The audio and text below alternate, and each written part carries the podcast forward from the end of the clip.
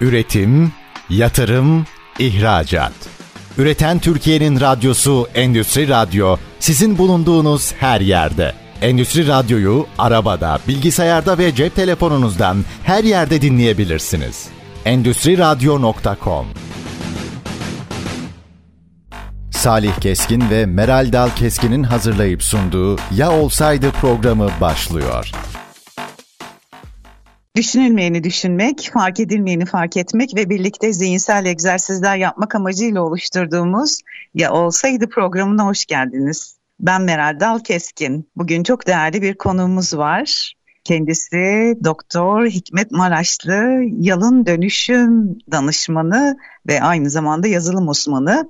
Birçok şapkası var. Öncelikle hoş geldin diyelim Hikmet Bey. Hikmet Bey hoş geldiniz. Hoş bulduk. Nasılsınız? Teşekkür ederim. İyiyiz hamdolsun. Sizler nasılsınız? Bizler de iyiyiz. Çok teşekkür ediyoruz. Ee, bugün çok e, özel konular konuşacağız sizinle. Hemen dinleyicilerimize hatırlatalım. Yalın üretim konuşacağız. ST Endüstri Radyo'da birçok kişi bizi takip ediyor. Özellikle işletmeler, patronlar, çalışanlar, e, ve tüm iş dünyası son dönemin oldukça popüler konularından bahsedeceğiz yine bugün. Dijital dönüşüm, Endüstri 4.0 teknolojileri, karanlık fabrikalar, yalın dönüşüm. Bugün çok dolu dolu bir programı birlikte Hikmet Maraşlı ile gerçekleştireceğiz. Doktor Hikmet Maraşlı ile. Ee, hemen soralım. Ben hocam demek istiyorum çünkü öğretim üyeliği e, şapkanız da var. Derslerde veriyorsunuz biliyorum. Ee, evet. Hikmet hocam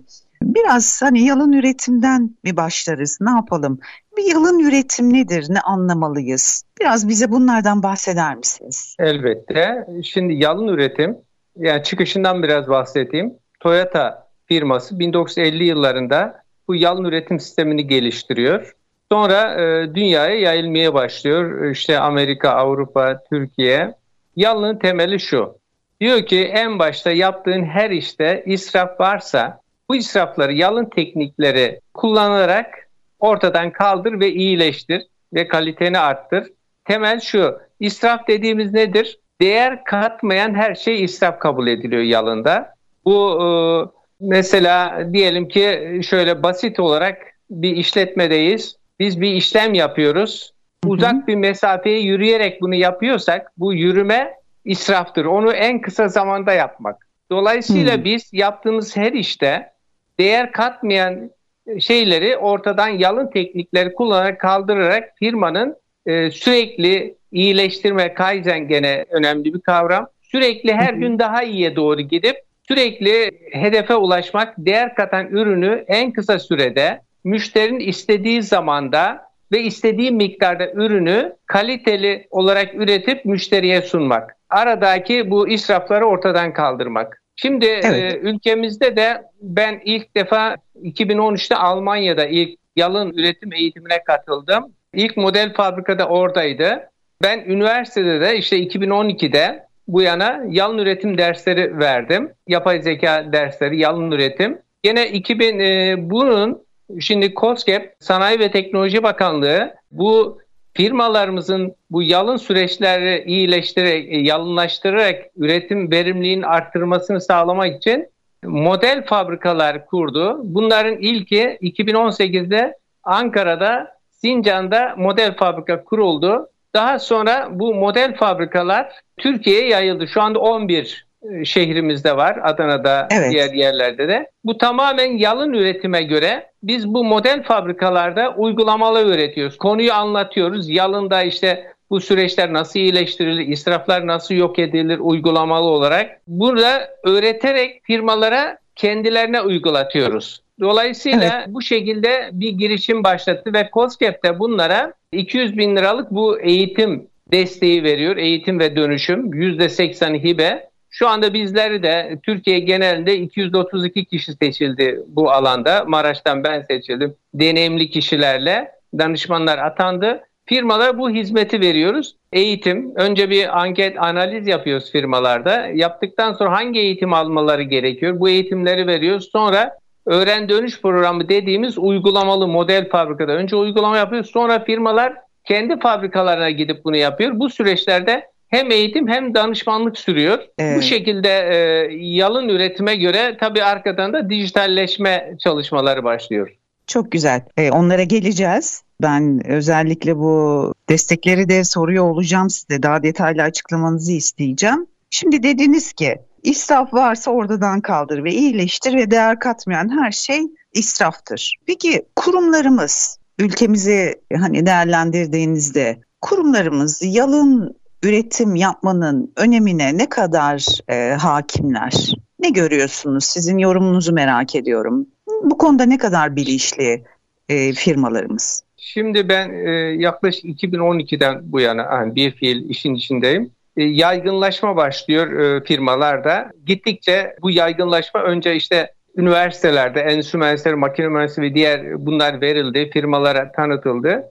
Daha sonra tabii model fabrikaların devreye girmesiyle e, bu süreçler hızlandı. Şimdiye kadar daha çok böyle danışman firmalar, öncülük yapan danışman firmalar üzerinden yürüyordu bu. Veya kişisel danışmanlıklar işte yalın konusunda uzmanlar tarafından yürütülüyordu. Şimdi artık e, model fabrikalarla kurumsallaşmaya başladı süreç. Çünkü orada bir danışman havuzu var. Bir de model fabrikanın kendi çalışan uzmanları var. Devlet de tüm desteğiyle bunu destekliyor.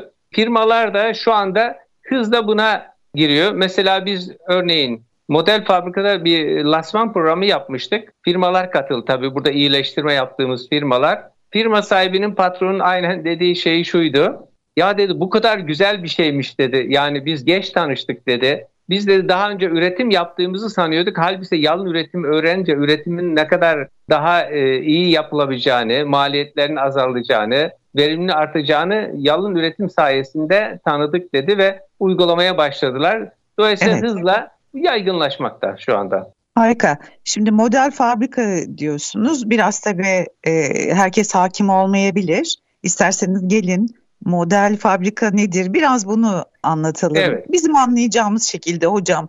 Ee, örneğin ben bir işletmeyim. Ne olayım? Vida üreten bir üretim işletmesi evet, olayım. İmalat, evet. Tam imalat da, yapan o. bir işletmeyim. Ee, orta büyüklükteyim. Ne, ne anlamalıyım bu söylediğinizden? Şimdi Nedir? şunu anlamalıyız. Mesela model fabrikaların yapısı şöyle. Burada CNC e, tezgahları var üretim yapılan. Evet. Buradaki üretim süreçlerinde biz yalın üretime göre nasıl yapılır o yerleşim planları yapılıyor. Burada bütün süreçleri o bir vida üretimindeki süreçleri biz hem eğitimini veriyoruz burada. Mesela 5S dediğimiz çok önemli bir kavram. İş yeri tertip düzeni burada.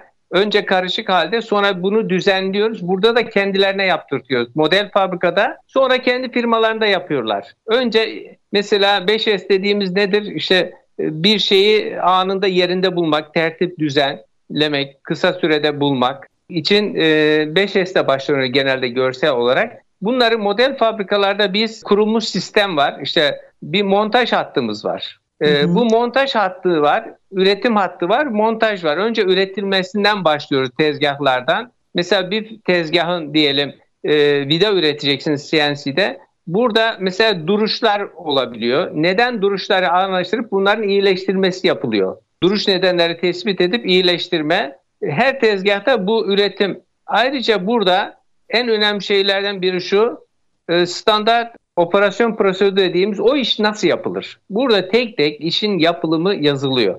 Mesela e, model fabrikaya geldiğinizde bu işlem, birinci işlem ne yapılacak? Örneğin biz Adana model fabrikada ne yaptık? Önce bir pneumatik üretiyor burada. Testereden kesiliyor. Kesildikten sonra gidip işleniyor. Bütün bu süreçleri kişiler de bu tanımlandığı, neler yapıldığı tanımladığı için kolaylıkla bunları takip edip yapabiliyor.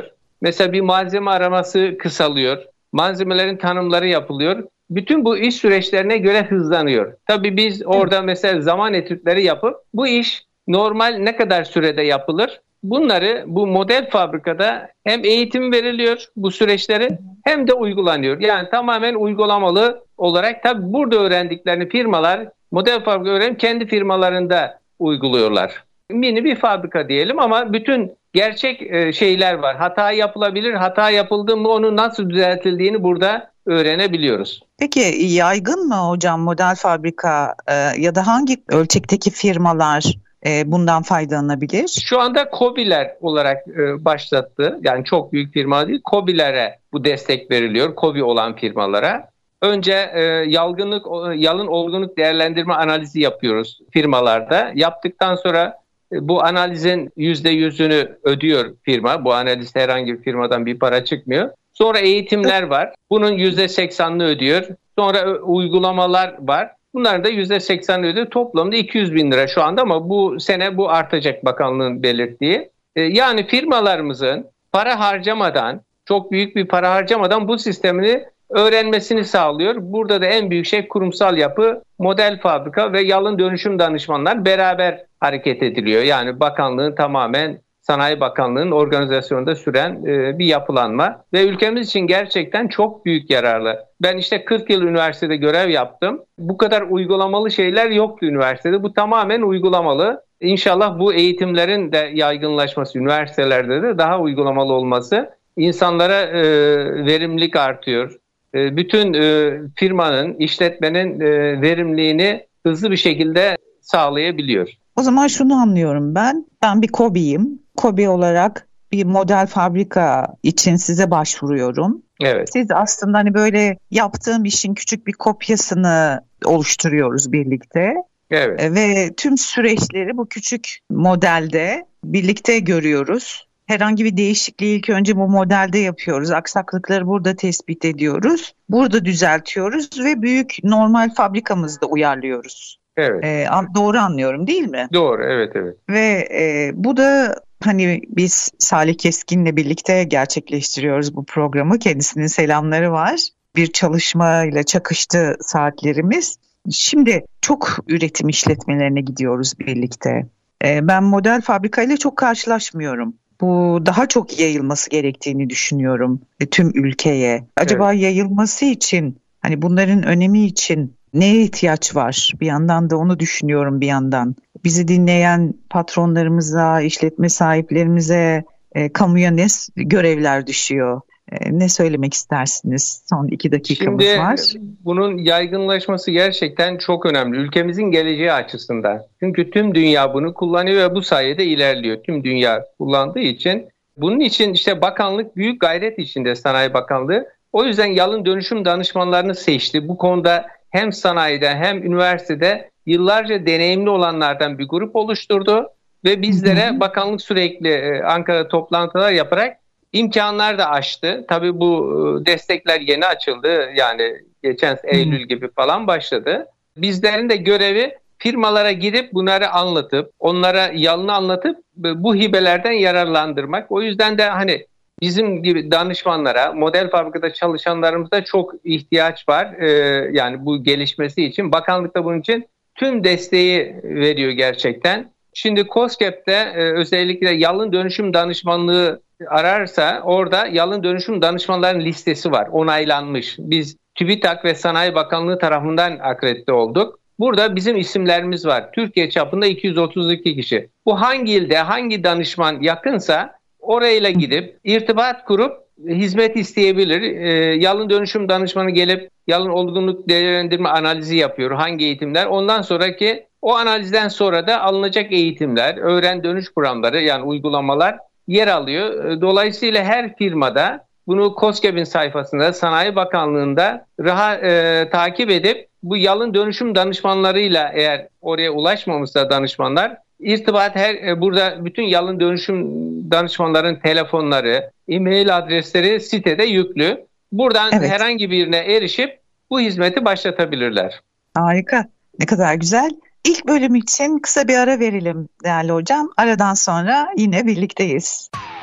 Üretim, yatırım, ihracat.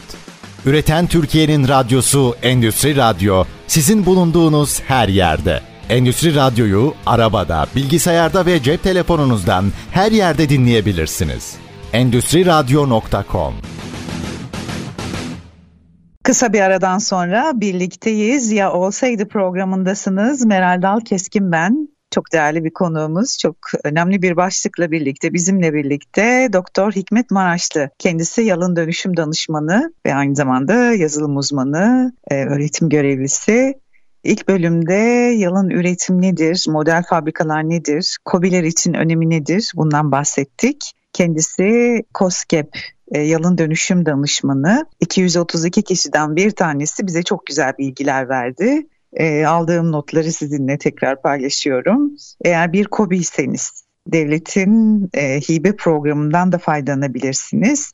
Yalın dönüşüm danışmanlarından e, size en yakın olanı seçiyorsunuz ve kendisi geliyor, yalın olgunluk analizi gerçekleştiriyor ve bu analize göre sizleri yönlendiriyor. Aslında değerli Hikmet Hocam, e, her şeyde düşünülmüş. Hani bir analiz yapılıyor, firmanızı gör, firmamızı görmüş oluyoruz, durumu nedir, neye ihtiyacı vardır ve bir miktarda hibe programı gerçekleştiriliyor. Bir yandan da size sormak istiyorum. Ee, hani dijital dönüşüm dönüşüm diyoruz. Kobiler için bu çok önemli. Ama halen sanki bana biraz e, tam hani oturmamış da bir kavram gibi geliyor. Biraz uzak durduklarını düşünüyorum. Dijital dönüşüm için bu Endüstri 4.0 teknolojileri nelerdir? Biraz bize bunlar hakkında da bilgi verir misiniz? Elbette. Şimdi e, plan şu, Sanayi Bakanlığı'nın önce süreçlerin yalınlaştırılması gerekiyor dijitale geçmeden önce. Yani biz orada bütün süreçleri inceliyoruz işte analizlerde de tek tek fabrikadaki süreçleri geziyoruz, üretim aşamaları. Önce bunların bir sistem hale gelecek, gelmesi gerekiyor. Bir sonraki aşamada şu anda henüz daha açmadı ama Sanayi Bakanlığı dijital destekleri de açacak. Ama önce bu yalın kültürün yaygınlaşmasını istiyor firmalarda ki bunu geçebilelim. Fakat tabii şu anda dört tane model fabrikada dijitallerde başladı dijitalleşme eğitimleri. Bu yaygınlaştırılacak. Şimdi biz süreçleri yalınlaştırdık ama sadece yalınlaştırmak yetmiyor. Niye yetmiyor? Elle bir şey yazdığınız zaman zaten orada bir israf var. Mesela evet. bir makinedeki üretim verisini biz diyelim ki ne kadar üretildi, hangi saatte elle yazdıysak bunun bir yere geçmesi gene bir israf. Dolayısıyla e, mesela üretim yapacaksın. Müşteriden sipariş alındı. Bu sipariş nedir? İş emirlerine dönüştü üretim için. Bunun makinalara iletilmesi gerekiyor. Bu tabii ki elle yazdığınız şeyler arada israf. Bu sipariş alındığından itibaren iş emirlerinin, üretim emirlerinin online yapılması dijitallik şart. Ondan sonra makinalara gitti bu. Makinalardaki o verilerin hangi makine hangi saatte ne kadar üretim yaptı, niye durdu? Bunu gene elle yapmanın israf. O zaman işte Endüstri 4.0 dijitalleşme devreye girmesi gerekiyor. Niye? Orada ben online makine işte başladı üretime, ne kadar üretti, hangi zamanda üretti e, veya duruş olduysa durma nedeni niye durdu? Mesela malzeme mi yoktu, arıza mı? Bunların online izlenmesi gerekiyor. Bu yüzden de mesela makine durdu. Örnek benim şu anda proje yaptığım fabrikanda gece fabrika Hı. durdu. Patronun haberi olmuyor. Sabaha karşı ne yapıyor? Çalıştırılıyor. Bir geliyor ki o kadar yok. Biz şimdi mesela orada yapılanlar sensörler yerleştirdik. Şu anda süreç devam ediyor. Durduğu anda üst yönetimin haberi oluyor. Niye durduğunu hemen o operatöre de geliyor. Duruş nedenini yaz. Ne kadar ne yaptı, ne üretildi biz bunu anında dijital olarak takip ediyoruz. Ne kadar verimli çalışmış, hangi saatte, hangi varide ne üretmiş, maliyetlerine kadar çıkarıyoruz. Şöyle maliyet çok önemli. Mesela bu makinedeki elektrik sarfiyatı, orada çalışan operatör ne kadar süre geçirmiş, e, ham madde ne kadar e, üretime girdi, ne kadar çıktı. Bunları şimdi dijital olmadan e, yapmak çok mümkün değil. Yaparsınız ama işte israf anında bilemezsiniz. O yüzden de biz bu verileri makinalardan Endüstri 4 dediğim sensörlerle alıyoruz. Sensörler takıyoruz makinalardan. Ee, onun registerlarında kayıtlı bu ne kadar ne var aslında. Biz oradan alıyoruz sistemi. Andan izliyoruz. Duruşta duruş nedenini tespit ediyoruz. İşte burada mesela durmalar neden oluyorsa sebep çok. Bunu yalın tekniklerle iyileştirmeler yapıyoruz. E, bütün bunlarda da dijitalleşme şart. Yani dijitalleşmeden daha verimli hale gelmek zor. Yani analiz etmek zor. Mesela bir hata oluşuyor sürekli bir üründe. Normal biz elle yaptığımızda istatistiksel analizler kontrolünü yapıyoruz. Ama bu yetmiyor. Veri toplandığı zaman e, biz artık yapay zeka devreye giriyor. Yapay zeka bir süre sonra öğreniyor. Algoritmalarla biz öğretiyoruz daha doğrusu. O hataların neden kaynaklandığını olmaması için bu sefer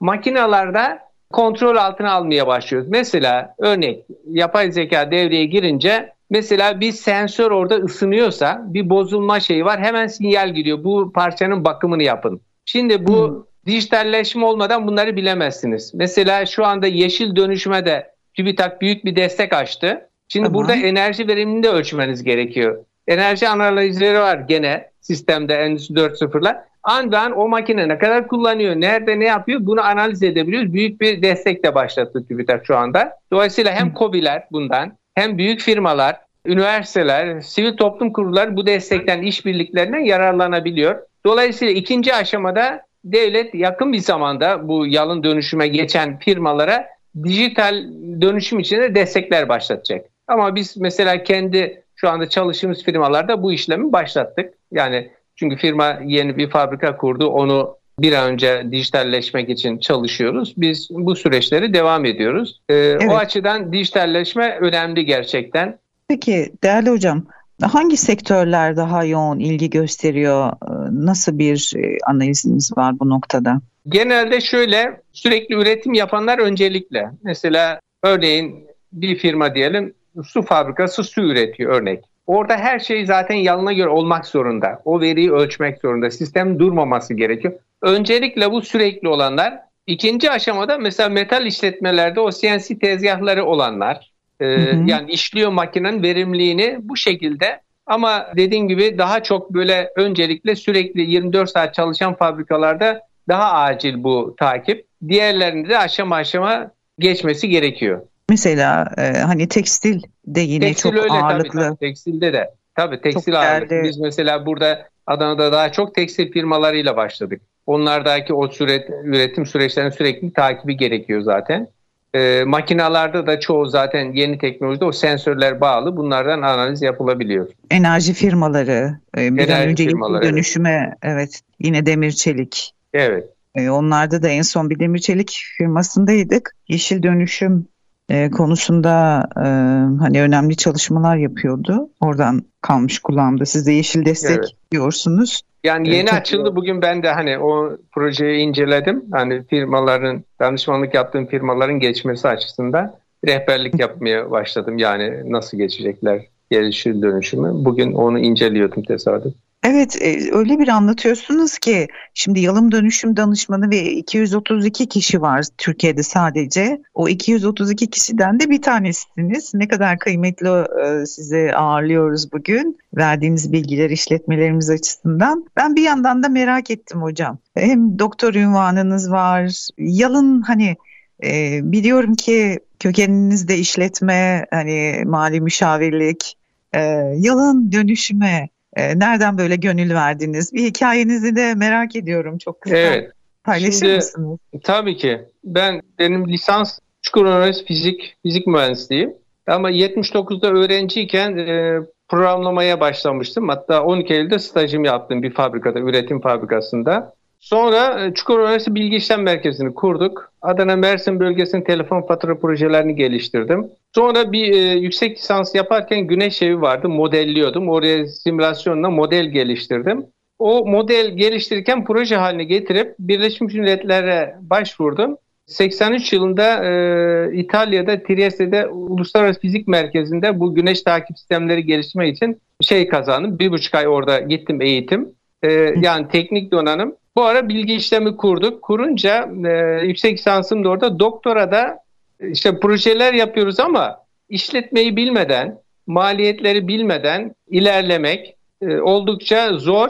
Tesadüf oldu, rahmetli oldu. Benim doktor hocam, üretim hocasıydı. O dedi ki gel dedi İdeal Bilimler Fakültesine sen bilgisayar öğret, biz de sana işletme doktorası yaptırtalım. Bana da çok cazip geldi. Zaten uygulamalı yazılım da yapıyorum. Böylece ben fizik doktorasından işletme doktorasına geçiş yaptım. Şimdi e, donanımsal yazılım altyapım var. Bir de işletme yapısı olunca burada da büyük bir firmada yaptım ben. Bir mağazanın otomasyonunu yaptım. Üretim üzerine yaptım. Üretim ve stok satış üzerine. Sonra işte tesadüf oldu. Kahramanmaraş'ın teknokentini kurdum. Oraya gittim. Çukurova Üniversitesi'ne ayrıldım. Oranın teknokentini kurarken gene sanayiciler bana şey sürekli teknokent kurarken bir gün bir sanayici dedi ki e, büyük bir firma hocam dedi ya bizim dedi en büyük israf dedi e, bu dedi stoklardan oluyor dedi. Büyük bir fabrikaydı bakır işleyen. Bizi dedi buna bundan kurtaracak e, bir sistem yok mu? Yıl e, 2008'deydi bu kuruluş çalışmasında. Ben ilk defa o zaman bu yalın üretimi araştırmaya başladım. Daha doğrusu nasıl çözerim diye. İşte Toyota ile ilk araştırmalarda sonra fakülteye de atanınca bölüme bunun dersini koydum yalın üretim derslerine. Yani böyle başladı. O kadar çok sevdim ki yalını. Bütün gerçekten insan bütün yaşamını etkiliyor, evini. Her yerde kullanabiliyorsunuz yalın düşünceyi. Sürekli üniversitede bu konuda yüksek lisans, doktora dersleri verdim. Tezler yaptırdım. Büyük firmalara danışmanlıklar yaptım. Sonra da bu COSGAP işte bu Sanayi Bakanı model fabrika kurunca böyle bir seçim olunca da e, ben sevdiğim işi tabii yazılımlarla da birleştirince bu şekilde şey yaptı. Şu yapay zekada nereden geçiyor? Ben onu da bir şey yapayım. Bir firmaya evet. öğrencilerimiz ziyarete gitmiştik. Dedi ki çok büyük bir holding bu. Dedi ki ya hocam dedi ben bu malı üretmeden bana kaça mal olacağını bilmek istiyorum. Hı-hı. Yıl 2019'da oluyor. İşletme son sınıf öğrencilerine götürdüm. Bana dedi yapay zeka bilen öğrenci yetiştir ki ben bunu işe alayım. Üretmeden maliyeti çıkarsın. Ben onun üzerine yönetim bilişim derslerini de veriyordum işletmede. Yapay zeka programlama dersleri koydum. O da öyle başladı. Tamamen aslında yalında yapay zekada sanayinin isteği doğrusunda doğdu. Ben de o konuları da hani hem seviyorum gerçekten çok. Böyle gelişti. Ee, işte 2022'de de bakanlık seçince, Nisan gibi seçti bizi, eğitimler verince 2022'nin e, Ağustos'unda emekli oldum ve bu işleri yapmaya devam ediyorum Adana'da ailemde. Şu anda da e, hem sevdiğim hem ileri teknolojiler yani yazılımla birleştirince daha da güzelleşiyor çünkü süreçleri iyileştiriyorsunuz. Bu şekilde başladı benim de. Şu anda da severek firmalara hizmet etmeye çalışıyoruz.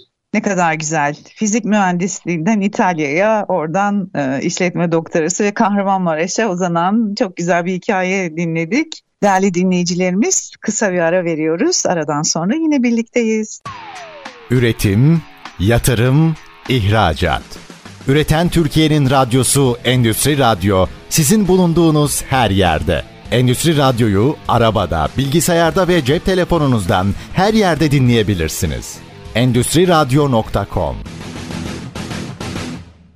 Kısa bir aradan sonra yine birlikteyiz. Ya olsaydı programındasınız. Meral Dal Keskin ben. Salih Keskin'le birlikte hazırlıyoruz biliyorsunuz inovasyon koçu e, ve danışmanı kendisinin selamlarını ilk bölümde iletmiştim tekrar iletiyoruz. Bir programda çakıştı sizlere selamlarını iletti. Çok değerli bir e, konuğumuz var. Doktor Hikmet Maraşlı hangi konuda konuştuk? Bizi radyolarını yeni açan dinleyicilerimiz için yalan üretim konuşuyoruz efendim. Tüm kobiler için gerekli olduğunu konuştuk. Ee, büyük şirketler, büyük firmalar için de çok önemli olan konular konuşuyoruz.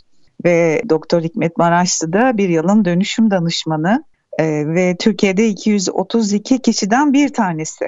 Çok önemli bir kişi kendisi ne konuştuk? Yine model fabrikalardan bahsettik. Her üretim işletmesi, kobiler bir modern fabrika e, kurabilirler. Bu konuda devlet destekleri var, COSGAP destekleri var, hibeler var. Yine e, sizlere hatırlatacağız bunları. Lütfen bizi dikkatlice dinlemeye devam ediniz. E, firmalar e, da e, danışmanlar bir yalın olgunluk analizi yapıyorlar ve bu yalın olgunluk analizinden sonra firmanın ihtiyacına göre ilerliyorlar ve her türlü eğitim yine hocalarımız tarafından veriliyor. Her türlü destek yine danışmanlar tarafından veriliyor. Size en yakın danışmandan destek alabiliyorsunuz e, değerli kobilerimiz ve iş şirketlerimiz.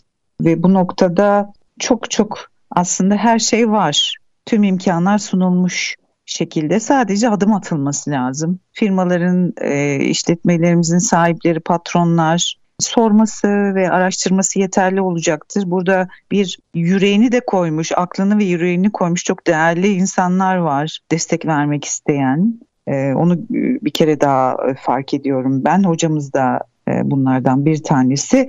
Kendisi fizik mühendisi. İtalya'ya gitmiş, oralarda çalışmalar yapmış. Önemli şirketlerin e, önemli programlarını oluşturmuş, yazılımlarını e, büyütmüş benim anladığım.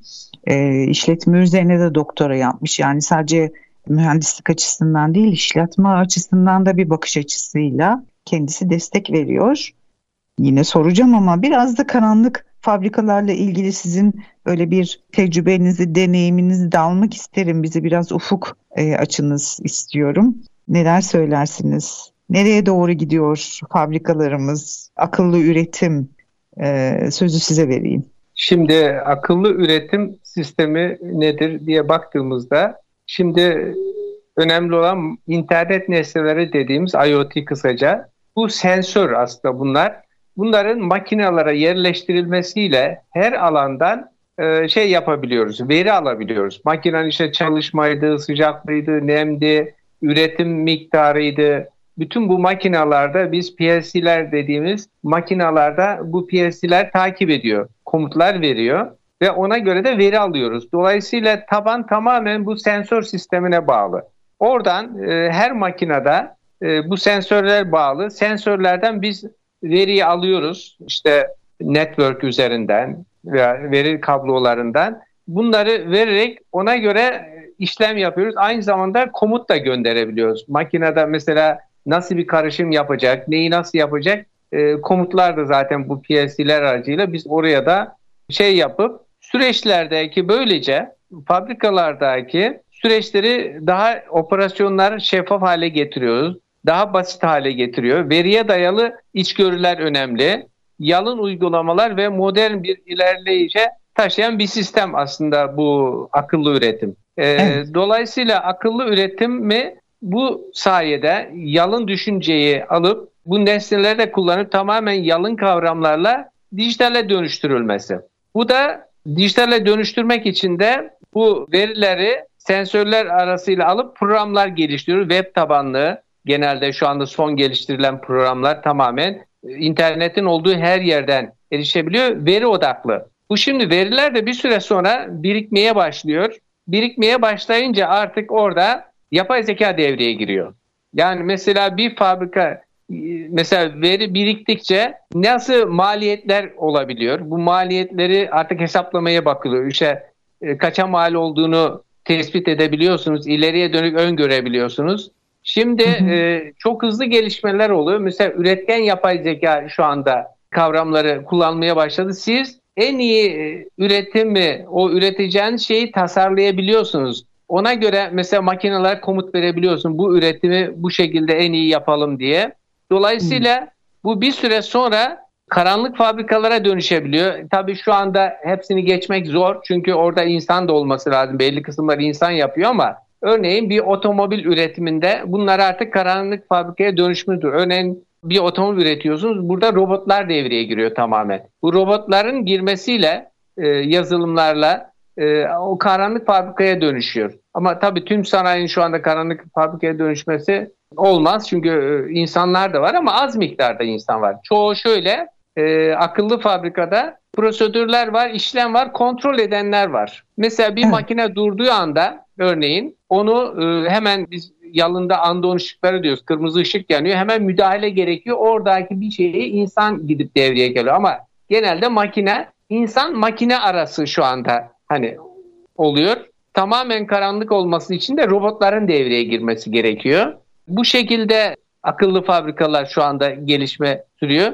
Tabii siz üretime girdiğiniz anda üretimi sürekli izlemeniz gerekiyor. Nerede ne var? Üretim durumunuzu, maliyetini. Mesela şu anda biz yaptığımız çalışmada firmadan bir sipariş alındı. Özellikle yurt dışına da çalışıyorlar, çalışan firmalar. Üretimin hangi aşamada olduğunu, hangi makinede işlendiğini bilgilerini kaydediyoruz. Oradan izliyoruz. Şu anda ne durumda olduğunu. Üretim süreçlerini sürekli izleme halinde durumunu belirleniyor. Verimlilik ne kadar olduğunu, mesela neden dolayı makineler duruysa bunların biz paratio analiz diyoruz. Analiz yapıyoruz hemen. O duruş nedenlerini ortadan kaldırmak için yalın üretim teknikleriyle iyileştirmeler yapıyoruz. Burada durmayı insan takip etmiyor, makine takip ediyor. Doğru mu anlıyoruz? Evet, durmayı sensörlerden alıyoruz biz. Durduğu sinyalini alıyoruz zaten. Niye durdu? Bunun Hı. nedenini tabii şu anda biz mesela duruş nedenini niye olduğunu tespit yerine orada operatöre hemen sinyal gidiyor. Durma nedeni mesela parça mı değişecek? Oraya yazdırıyoruz. Yazmasa da haberi oluyor. Üst yönetimin, fabrika sahibinin olsun, müdürlerin olsun anında haberi oluyor. Dolayısıyla o duruş nedenler neden kaynaklanıyorsa tabii verilerde de kaydolduğu için duruş nedeni anında onu girmek zorunda. Analiz yapıyoruz. Niye duruyor? O duruş nedenlerini yalın tekniklerle ortadan kaldırıyoruz, iyileştiriyoruz. Böylece e, israflar ortadan kalkıyor. Bu hani karanlık fabrikalar bizi biraz ürkütüyor tabii çalışanları. Sizin öngörünüz nedir? Yani ülkemizde karanlık fabrikalar ne kadar sürede hakim olur ya da hani ne söylemek istersiniz bu konuda? Evet onu şöyle şimdi dünya hızla tüm dünya tabii Avrupa'da oluyor Amerika'da oluyor. Bunlar bu sisteme geçiyor karanlık fabrikaya. Sizin maliyet düşüyor. Eğer biz aynı tekniğe takip etmezsek diyelim ki ben 10 liraya ürettiğim bir malı Avrupalı ve Amerika 5 liraya ürettiyse biz artık oraya mal satamayız. Dolayısıyla bizim de mecburen bu sistemlere adapte olmamız lazım. Maliyetlerimizi düşürmemiz için. En önemli şey de ülkemiz açısından şu tabii yapay zeka da aynı şey var. Bizim o teknolojileri üretir durumda olmamız lazım. Kullanır durumda biz komut etmemiz lazım. Biz yazılım geliştirmemiz lazım. O açıdan evet. e, bundan kaçış yok ama hakim olmamız lazım. Yani şöyle bir olay var. En büyük şey şu risk. Diyelim ki yurt dışından aldığınız bir karanlık fabrika yazılım falan. Diyelim yurt dışına aldığınız bir şeyin riski çok büyük. Çünkü adam isterse senin üretimini durdurabilir. Doğru. O yüzden bizim hakim olmamız lazım. Bizim kendi yazılımcıların, yerli yazılımlarımızın olması lazım. O yüzden de gelecek nesli yetiştirmemiz lazım. Yani bundan kaçış yok. Çünkü girmezsek inan e, biz mal satamayız. Şirketlerimiz iflas edip kapanacak. Çünkü maliyetimiz yüksek olacak. Bu şekilde bakmamız lazım. Bizim yapay zeka şu anda mesela bugün de Sanayi Bakanlığı sürekli onun şeyini açıklıyor enstitü kuruluyor, destekler veriyor. Gençleri kendi üretebilmemiz için, bu teknoloji kullanmamız için gerekiyor. Eğer biz hakim olmasak başkalarının eline düşeceğiz. Yani o açıdan e, kaçınılmaz ama gençlerimizi, insanlarımızı yetiştirmemiz lazım. Çok haklısınız. O zaman şöyle diyebiliriz. Hmm, hani bütün sürecinizi bir anda dijitalleştirmeniz tabii ki mümkün değil. Bunlar bütçe meselesi. Ama bir yerden başlamak lazım değil mi hocam? Küçük adımlar. Evet, evet bir yerden aşama aşama. Çok büyük evet. maliyetler olmadan aşama aşama geçmek lazım. Aslında teknoloji gelişmiş. Hani kendi yaptığımız işlerde çok da büyük maliyet yok. Ama biz yaparsak bunu. Ama bazı maliyetleri hazır alırsak maliyet şöyle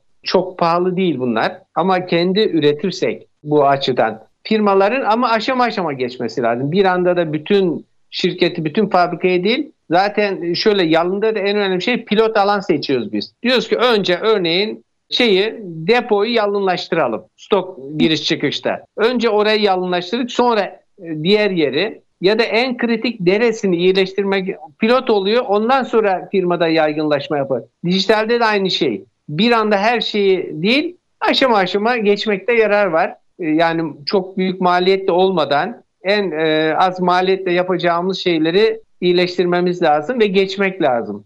Ve yine benim anladığım e, yabancı yazılımlar var bu konuda. Fiyatlar da oldukça yüksek. Ama biz e, Türkiye'de de e, bu konuda aslında yerli yazılımlar e, son derece e, verimli. E, yeter ki doğru hani danışmanlıkla e, bu işlere başlanabilsin. Öyle anlıyorum. Evet. Ee, peki şimdi bizi dinleyen dinleyicilerimize tekrar hatırlatır mısınız? Bu konudaki devlet destekleri, İBE destekleri nedir? Bunun için ne yapmaları gerekir? Ben bir işletmeyim, bir KOBİ'yim ya da KOBİ üstü e, bir şirketim, büyük bir şirketim. Neler yapmam lazım? Bize adımları bir kere daha hatırlatır mısınız Tabii hocam? Özetler misiniz? Şimdi öncelikle e, mesela o ilde model fabrika varsa 11 il şu anda o ilin model fabrikasına gidebilirler direkt. Veya e, bu danışmanların zaten listede adı var. Hangi ilde oturduğu var. En yakın danışmana ulaşırlar. Bu şekilde süreç başlatılır. Model fabrikada olsun, danışmanlar da olsun zaten biz ortak beraber çalışıyoruz. Yalın olgunluk değerlendirme analizi yapılıyor. Bunu işte yapıldıktan sonra sisteme giriliyor. Firmaya bunun şöyle e, olgunluk değerlendirme alıyor şu an 10 bin lira artık KDV. Firmaya fatura kesiliyor. Firma bu faturayla sisteme yüklendikten sonra fatura e, ödeme dekontlarıyla ve bir de şey istiyor firma genelde borcu yoktur. O 10 bin lirayı tekrar alıyor firma. Önce ödüyor danışmana veya model fabrikaya ama sonra alıyor. %100'ü hibe sadece KDV hariç. Bundan sonraki aşama o yalın olgunluk değerlendirme analizindeyken danışman gelip bütün süreçleri inceliyor fabrikadaki. Nerede ne yapacak, hangi eğitime ihtiyacı var o çalışanların onu belirleyip yaklaşık 14 tane eğitim var yalınla ilgili. Bu eğitimleri işaretliyor. Bu eğitimleri alıyorlar. Bir evet. puanlama oluyor. Bu 50'nin altında ise bu eğitimleri almak zorunda. 50'nin üzerinde ise demek ki bu konuları biliyor. Model fabrikada direkt öğren dönüş dediğimiz uygulamalara geçiliyor. Bunun da gene model %80'i hibe bunların. Eğitimleri alıyorlar. İşte faturalandırıyor model fabrika ve danışmanlar. %80'ını e, devlet bunlara COSGAP geri ödüyor. Bu şekilde süreç devam ediyor. İşte eğitimlerden sonra da öğren dönüş uygulamalı kendi fabrikalarda bu şekilde uygulamalı. Yani oraya gelip fabrikalarında da gene bu danışmanlar veya model fabrika uzmanları beraberce gelip beraber öğretiyor, onlar yapıyor. Yani bize bakanlığın dediği şu, koçluk yapacaksınız, danışmanlık yok. Biz yapmayacağız, onlara yapmayı öğreteceğiz. Yani balık evet. tutmayı öğretiyoruz. Dolayısıyla Harika. kendileri e, sürdürüyor. Biz oradan proje liderleri seçiyoruz. Fabrikalarda yalın lider. Onu eğitiyoruz, o ödü biz onlara rehberlik yapıyoruz. Örnek yaparak gösteriyoruz ama ondan sonra artık kendileri yapıyor. Koçluk böyle bir sistem. Bakanlığımız da istedi. Çok önem veriyor gerçekten Sanayi Bakanlığı buna yaygınlaşması için. Ülkemiz açısından gerçekten önemli. Çünkü firmalarımız eğer bu sisteme geçmezse bir süre sonra rekabet edemeyecek. Maliyetlerden, disiplini çalışmaktan, verimlilik artışını kontrol edemeyecek. O açıdan yararlanmalarında yarar var firmaların. Çok teşekkür ediyoruz hocam. Çok güzel bilgilerdi. Süremizin sonuna geldik. Ee, bugün Doktor Hikmet Maraşlı'yı konuk ettik. Yalın dönüşüm danışmanı kendisi. Çok değerli bilgiler verdi. Bizi sabırla dinlediğiniz için çok teşekkür ediyoruz. Tekrar haftaya görüşmek dileğiyle.